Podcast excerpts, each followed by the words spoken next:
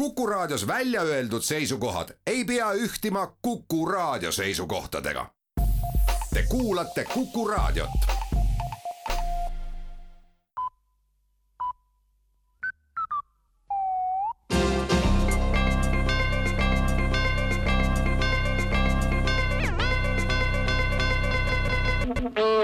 tere kuulama uudiseid stuudios Rohke Debelak.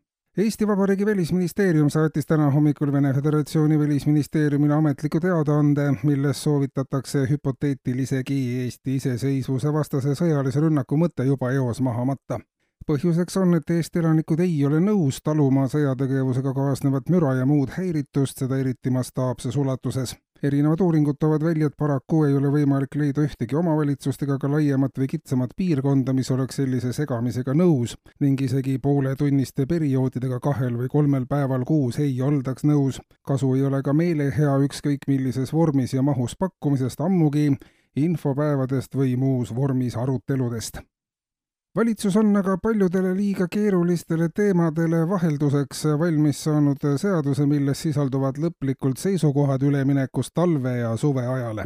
arvestades seda, et erinevatel huvigruppidel on alati diametraalselt erinevad vaated kellakeeramise küsimuses, on ka kõiki rahuldavat variante raske leida ja nii on see küsimus ka laiemalt Euroopa tasemele toppama jäänud valitsus aga otsustas, et ükskord keeratakse kella veel ja selle tulemusena lähevad naised kevadel suveajale ja mehed jäävad talveajale. naistele meeldib suvi tavaliselt rohkem kui meestele. naised saavad pidevalt suveajal olles ka tund varem ärgata ja nii paremini toime tulla kuhjuvate kodutöödega. samas saavad naised jälle tund aega varem magama minna ja mehed omaette tund aega kauem televiisorit vaadata, nii et keegi ei segaks üksteist valitsuse töölaual on aga uus seadus, ootamatusseaduse esialgne kavand, mis peaks Riigikogule esimesele lugemisele saadetama järgmisel nädalal. ootamatusseadus peaks andma senisest selgemad juhised, kuidas reageerida ootamatustele, mille tekkimine on olnud ammu ette teada. seadus loob selgema pildi nii üksikisikule, organisatsioonile kui riigile tervikuna, sest hetkel on tekkinud olukord, kus ammu oodatud arengud on tulnud täieliku ootamatusena ja neid ootamatusi on lugematu hulk, näiteks pikalt ebatervislikult elanud inimesel tekivad ootamatult tervisehädad. korruptiivselt tegutsenud ametniku või ettevõtja tegevus tuleb ootamatult avalikuks. talv tuleb kommunaalametnikele ootamatult, abielu rikkumine tuleb välja ootamatult, viirused ründavad ootamatult, laadimiskäpa probleem tuleb ootamatult, kasiinos kaotatakse kogu raha ootamatult, avastused pidevalt ainult töötades on kadunud igasugune õnnetunne jälle ootamatult, kõrged energiahinnad tulevad ootamatult ja riigile tuleb ootamatult, et see kõik ajab inimesi vihale.